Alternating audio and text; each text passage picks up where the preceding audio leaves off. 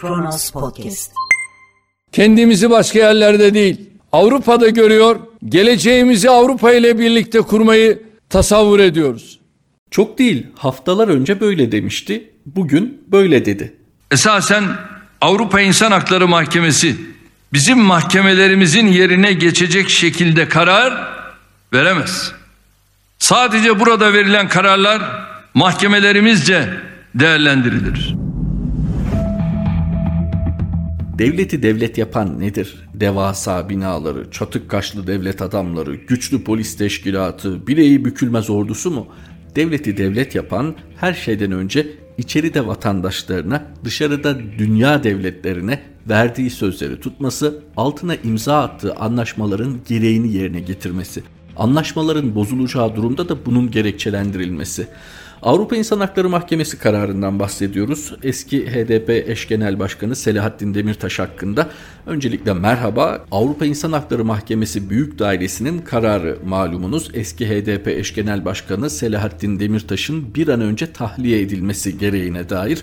Peki bu konuda neler oldu, neler söylendi ve tabii ki günün diğer öne çıkan başlıkları. 23 Aralık 2020 Çarşamba günün tarihi ve Kronos Haber'de Kronos gündemle birlikteyiz. Bakalım öne çıkan başlıklar neler?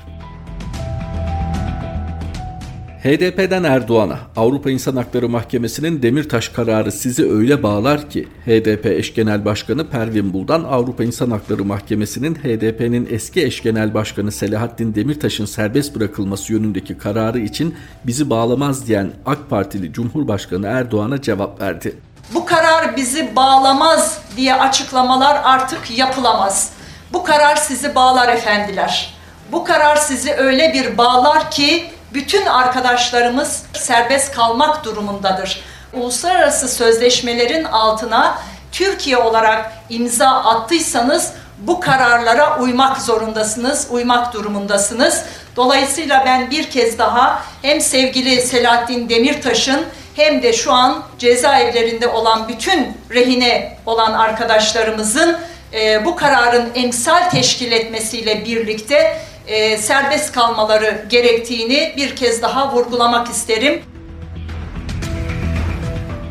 Avrupa İnsan Hakları Mahkemesi'nin Demirtaş derhal serbest bırakılmalıdır kararını Pervin Buldan'la birlikte Demirtaş'ın avukatlarından Ramazan Demir ve Benan Molu basın toplantısında değerlendirdi. Kronos Haber'de avukatların cümleleri de yer alıyor.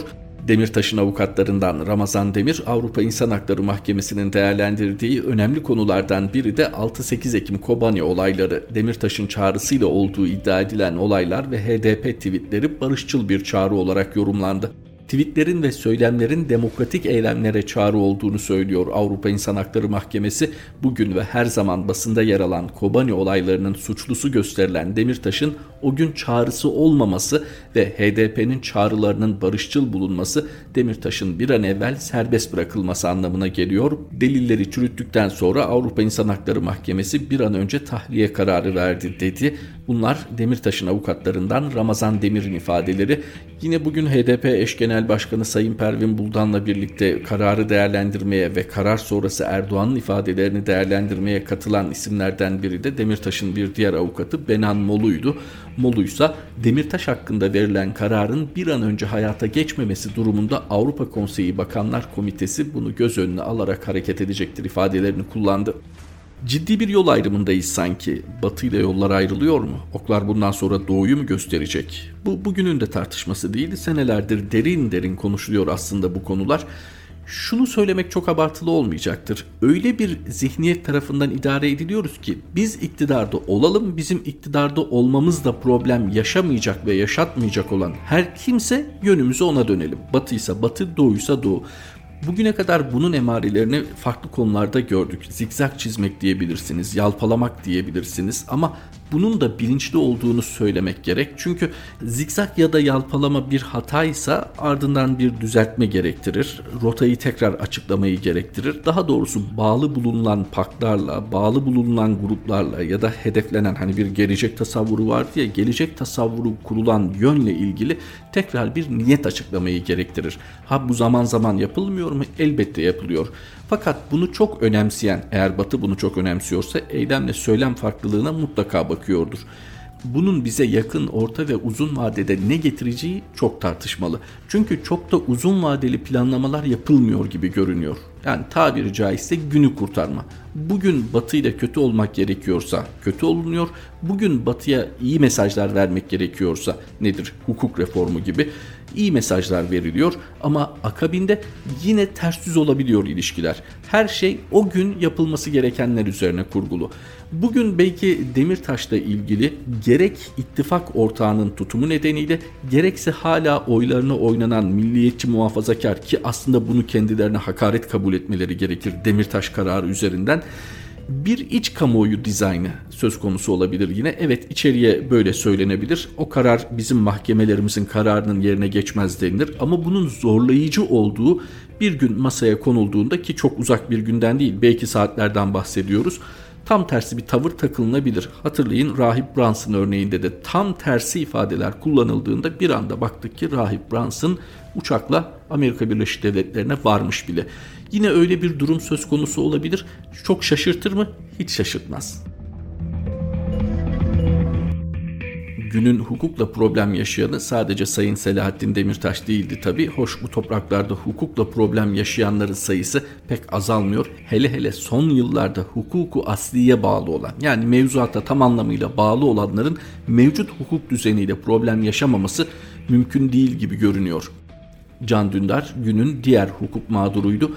27 yıl 6 ay hapis cezası verilen Can Dündar hukukla alakası olmayan siyasi bir karar beklemediğimiz bir karar değil, beklediğimiz bir karar. Çünkü Türkiye'de gazeteciliğin bedellerini hepimiz yaşayarak görüyoruz. Onlardan ben ilki değilim, sonuncusu da olmayacağım muhtemelen. Bunlardan bir tanesi daha bitmeyen bir öfkenin ve öc alma duygusunun e, bunlar sonuçları.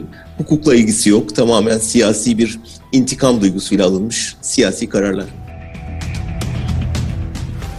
Artı TV yayınına katılan Can Dündar'ın ilk değerlendirmesi bu şekildeydi. Avukatların mahkemeye gitmeme kararını da değerlendiren Dündar orada oynanan oyunlara dahil olmak istemedik. Hukuki olarak alınacak bir karar değildi. Saraydan alınan talimatlar doğrultusunda kararlar veriliyor şeklinde konuştu. Can Dündar'ın Cumhuriyet Gazetesi Genel Yayın Yönetmenliği dönemine dair MİT tırları haberinin bir uzantısı 27 yıl 6 ay hapis cezası. Haberin devamında bakın neler diyor Dündar. Biz Suriye'ye taşınan silahları fotoğrafladık, ispatladık ve hükümet reddedemedi. Gizli olduğu söylenen belge ve fotoğraflar bu mahkemeyle tüm dünyanın gündeminde MİT tırları herkes tarafından görülmüş oldu. Ortada garip bir durum olduğu belli. Bu tırların kime gittiği, bu tırların içinde tam olarak ne olduğu, ne amaçla kime götürüldüğü, bu taşımanın kim tarafından yapıldığı, buna yetkisi olup olmadığı bu konuyla ilgili o gün de sorular soruldu. Tabii ki meselede sadece mağdur olanların dikkatini çektiği için kamuoyu bir şekilde tam anlamıyla görmek istemedi, görse anlamak istemedi, anlasa duyurmak istemedi. Öyle garip bir dönemden geçiyoruz. Devamında da hükümetin toplumu esir almak için her şeyi denediğini kaydetmiş Can Dündar ve bizleri kendileri gibi mala mülke tapıyor olarak gördüler. El koydular, susmadık. Özgürlüğümüzü aldılar, susmadık. Silahlı saldırı düzenlediler, susmadık. Türkiye'deki muhalif kesimi susturamayacakları ortada. Hukuki süreçten ziyade siyasi kararlara bakıyorum. Bu iktidar gidecek. İçerideki tüm siyasi tutuklular, yargılananlar, rehin tutulanlar serbest kalacak. Kimse ümidini kesmesin. Bu kararı verenler ceza cezaevinde keşke bu kararları vermeseydik diyecek.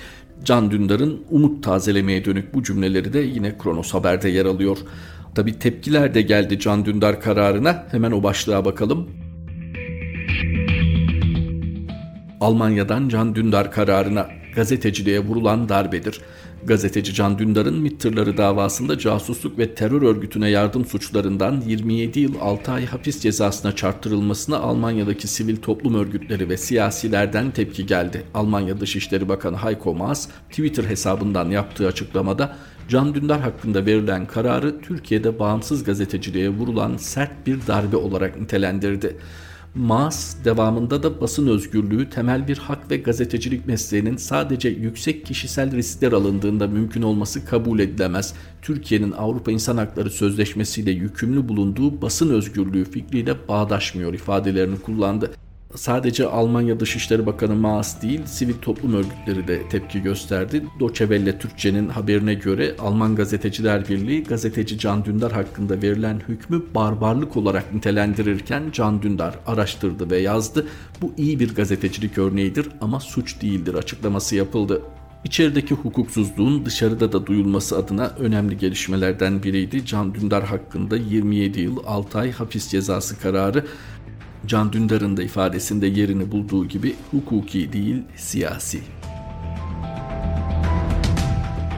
Sıradaki haber Can Dündar'la da mesai arkadaşlığı yapmış bir gazeteci ama şimdinin CHP Eskişehir Milletvekili Sayın Utku Çakırözer'in bir değerlendirmesiyle ilgili Avrupa Birliği ile yeni sayfa derneklere, sivil topluma kayyım atayarak açılmaz. CHP milletvekili Çakır Özer, İçişleri Bakanlığı'na derneklere kayyım atama ve tek bir imza ile kapatma yetkisi verdiği için eleştirilerin odağında olan yasa teklifinin geri çekilmesi gerektiğini söyledi. Avrupa Birliği ile yeni sayfa derneklere, sivil topluma kayyım atayarak açılmaz dedi. Bu değerlendirmeyi kitle imha silahlarının yayılmasının finansmanının önlenmesi başlıklı yasa teklifini değerlendirirken yapan Sayın Çakır Özer teklifin yasalaşması halinde olacakları şöyle özetledi diyor Kronos Haber. Eğer bu teklif yasalaşırsa başta insan hakları dernekleri olmak üzere kadın hakları, mülteci hakları, çocuk gençlik hakları alanında faaliyet gösteren dernek ve vakıflar tek imzayla kapatılma riskiyle karşı karşıya olacak sivil toplum alanı daraltılacak. Türkiye'de yüzlerce dernek ayakta, İnsan Hakları Derneği ayakta, Çağdaş Yaşamı Destekleme Derneği ayakta, Mazlum Der ayakta, sivil toplumun faaliyetlerini kısıtlayarak, hak ihlalleri gizlenerek dünya ile ilişkilerimiz düzelmez, dış politikada, diplomaside başarı sağlanmaz. Sayın Çakır Öser'in ifadeleri kanun teklifini tekrar hatırlatalım. Kitle imha silahlarının yayılmasının finansmanının önlenmesi son derece dikkat çekici. Sadece ulusal çerçevede değil, uluslararası alanda da dikkat çekici, desteklenesi bir teklif ama ne hikmetse bu teklifin içinde ilginç ayrıntılar var. İşte derneklere, sivil topluma kayyum atanması söz konusu. İçişleri Bakanlığı'na geniş yetkiler tanınıyor. Bir imzayla kapatma yetkisi gibi Sayın Çakır Özer tepkisini ortaya koymuş. Burası sesin, sözün yükseltilmesi gereken bir yer. Çünkü bir taraftan Avrupa Birliği diyeceksiniz, onunla gelecek tasavvur edeceksiniz ve Avrupa değerlerini, Batı değerlerini öne çıkaracaksınız ama bir taraftan ona 180 derece zıt bir şekilde yine güvenlikçi politika parantezi içerisinde sivil toplum örgütlerini tamamen etkisizleştirebilecek, yönlendirmeye açacak ve iç rekabet görüntüsü altında siyasi alana kanalize edecek bir uygulamanın önünü açacaksınız. Tabii ki bu konuda Sayın Çakır Özer gibi herkes tepkisini koymalı. Ne işe yarar? Son dönemde siyaset bir matematiğe döndü. Sadece milletvekillerinin evet ya da hayır oyları üzerinden yürüyor. Hoş bunun da çok etkisi yok. İstenildiği an mecliste bypass edilebiliyor. Kanun hükmünde kararnamelerle geçirdiğimiz bir dönem hala etkisi sürüyor. Cumhurbaşkanlığı kararnameleriyle devam ediyor. Ama işte orada da bir Türkiye Büyük Millet Meclisi var. Asgari ücretle ilgili bir başlık var sırada. Devrimci İşçi Sendikaları Konfederasyonu insanca yaşam istiyoruz. Asgari ücret net 3800 lira olmalı. Devrimci İşçi Sendikaları Konfederasyonu bölge temsilcilikleri bulunduğu illerde eylem yaparak asgari ücret taleplerini açıkladı. DİSK Genel Başkanı Arzu Çerkezoğlu Türkiye İstatistik Kurumu'nun 2792 lira olarak sunduğu 2021 yılı asgari ücretinin yetersiz olduğunu belirterek bu mu adaletiniz, bu mu ülkenin bütün güzelliklerini üreten işçi sınıfına reva gördüğünüz asgari ücret dedi. Disk hatırlayacaksınız daha önce 3800 lirayı açıklamıştı. Bugün de ülke çapındaki eylemlerinde 3800 lirayı vurgulamış. En az 3800 lira, net 3800 lira olarak bu talebini tekrar ifade etmiş. Türkiye'de ilginç haber eksik olmuyor. Aracında 100 kilogram eroinle yakalanan Brüksel Büyükelçiliği eski basın müşaviri Veysel Filiz kardeşini suçladı. Edirne'nin Hamza Beyli sınır kapısından Bulgaristan'a çıkış yaptığı sırada aracında yapılan aramada 100 kilogram dolayında eroinle yakalanan eski Brüksel Büyükelçiliği basın müşaviri Veysel Filiz'in mahkemede verdiği ifade ortaya çıktı. Filiz mahkemedeki ifadesinde aracında ele geçirilen uyuşturucunun sahibi olarak kardeşi Hulusi Filiz'i gösterdi. Peki kimdir Veysel Filiz? Bir süreç elimizi güçlendirdi. Hı hı. Çünkü sürekli bizim e, Türkiye bandıralı gemilerle ilgili orada bir şüphe uyandırıcı yaklaşım vardı. Fransa'nın bunun başı çektiğini görüyoruz. Daha önce de benzer olaylar yaşandı ve bu gemilerin içinde e, işte insani yardım ya da e, kuru yük var e, dememize rağmen e, yok onlar silah taşır vesaire petrol taşır gibi yaklaşımlar sürekli oluyordu. Hı hı. Biz şöyle bir hatırlatalım. Edirne 1. Sulh Ceza Hakimliği'nde ifade veren Avrupa Yozgatlılar Federasyonu Genel Başkanı, aynı zamanda sosyal uyum için Avrupalı Müslümanlar girişimi sözcüsü olan Filiz, diplomatlık yapmış bir kişi olduğunu belirterek aynı zamanda uluslararası kuruluşlarda da yer alırım, uyuşturucuyla mücadelede de aktif olmuş bir kişiyim. Bir, bir buçuk ay önce Fransa'da araması olan kardeşim Hulusi Filiz'i Almanya'dan İstanbul'daki şirketime yanıma getirdim. Hadımköy'de açılacak bir restoran işinde bize yardımcı olacaktı diyor ve devam ediyor. Kardeşinin uyuşturucudan da sabıkası olduğuna işaret etmiş Filiz. Dedik ya haber ilginç onun için ayrıntısını aktaralım sizlere. Kardeşinin uyuşturucudan da sabıkasının olduğuna işaret eden Filiz ifadesinde araçta çıkan maddeleri daha önce ofisimde ayrı paketler halinde kardeşimin elinde görmüştüm. İçinde ne olduğunu bilmiyordum. Kendisine sorduğumda bir takım kimyasal maddeler olduğunu söyledi. Paketleri açıp kontrol etmek istedim ancak içindeki kimyasalların bozulacağından dolayı bana izin vermedi. Ben de şüphelenip bu paketleri derhal yok etmesini söyledim kimyasal maddelerin kimden temin edildiğini bilmediğini ifade etmiş Veysel Filiz. Bu arada hemen belirtelim T24 bu ifadeye ulaşmış. Ben Fransa'da yaşıyorum diyor Veysel Filiz. Fransız vatandaşıyım. Avrupa'nın birçok şehrinde de şirketlerim vardır. Kardeşim bu sebeple bu paketleri benim yurt dışına çıkarmamı istedi. Kendisinin 10-15 bin lira harçlık kazanacağını söyledi ancak ben kabul etmedim. Bana paketleri götürmemi teklif ettiğinde kendisinin de Avrupa'ya geleceğini söyledi. Eğer kabul etseydim paketleri kime vereceğim konusunda bir şey söylemedi. Gittiğinde Avrupa'da buluşuruz gibi şeyler söyledi. Veysel Filiz eroinin arabasında bulunmasını da açıklıyor. Ha hemen belirtelim aslında sağlam da bir savunma. Şu cümle mesela eğer kabul etseydim paketleri kime vereceğim konusunda bir şey söylemedi. Hani bir soru üzerine söylendiyse tamam ama bir soru üzerine kurulmamışsa belli ki çalışılmış bir ifade kardeşiyle konuştuktan sonra yurt dışına çıktığını ve bir hafta sonra döndüğünü ifade eden Filiz döndükten sonra aracımı bakıma götürmesi için kardeşime verdim. Kendisi aracı tamirciye bırakacağını söyledi. Zaten bu cümleler işin nereye gideceğini anlatıyor. 15 Temmuz'dan bu yana tabi öncesi de var fakat 15 Temmuz'dan sonra adeta kurumsallaşarak yaşanan hukuksuzluk düşünüldüğünde bu dönemin mağdurlarına dair bu kadar rahat ileri geri konuşabilenlere biraz dikkat ettiğimizde ya hedefledikleri vardır ya örtmek istedikleri. Veysel Filiz olayında da umarız böyle bir şey yoktur. Ama siyaseten çok kullanışlı kimi kavramları hemen her söylemine yerleştirenlere dikkatle yaklaşmak gerekiyor. Hele hele bu dönem itibarıyla ne kadar çok vatan, ne kadar çok millet diyorsa, ne kadar çok ülkesinden, bayrağından bahsediyorsa, ne kadar çok dini değerler vurgusu yapıyorsa perdenin arkasına da bakmak gerekiyor. Çünkü şu fotoğrafın akıldan çıkmaması gerekiyor. Sadece kendisine değil akrabalarına da parasını bastırıp vatandaşlık alan İran asıllı Reza Zerrab bir Türk bayrağının önünde Türkiye'deki cari açığın kapanmasında çok ciddi çabası olduğunu anlattığı kanal hükümetle organik bağ olan A Haber'di. Sıradaki haberimiz çıplak arama ile ilgili Bekaroğlu'ndan zengine tarafsız bir komisyon çıplak aramayı araştırsın. Var mısın? CHP İstanbul Milletvekili Mehmet Bekaroğlu, HDP Kocaeli Milletvekili Ömer Faruk Gergerlioğlu'nun Türkiye Büyük Millet Meclisi gündemine taşıdığı çıplak arama konusu için tarafsız bir komisyon kurulması önerisinde bulundu. AK Parti Grup Başkan Vekili Özlem Zengin'in meclis terörize ediliyor, iddia doğru değil şeklindeki sözlerine cevap veren Bekaroğlu, hadi tarafsız bir komisyon kuralım ve cezaevlerinde çıplak arama olup olmadığını araştıralım, var mısın Özlem Zengin diye sordu. Türkiye Büyük Millet Meclisi çatısı altında son zamanlarda çok hayati konularda teklif edilen tarafsız komisyon kurma araştırma fikri nedense bir AK Parti MHP blokajıyla karşılaşıyor. Böyle konular, böyle konulardan kastımız iktidar blokunun hoşlanmadığı konular. Ne hikmetse Türkiye Büyük Millet Meclisi çatısı altında tarafsız bir komisyon kurma teklifiyle gündeme getirildiğinde blokajla karşılanıyor. Bu da sanırım öyle olacak.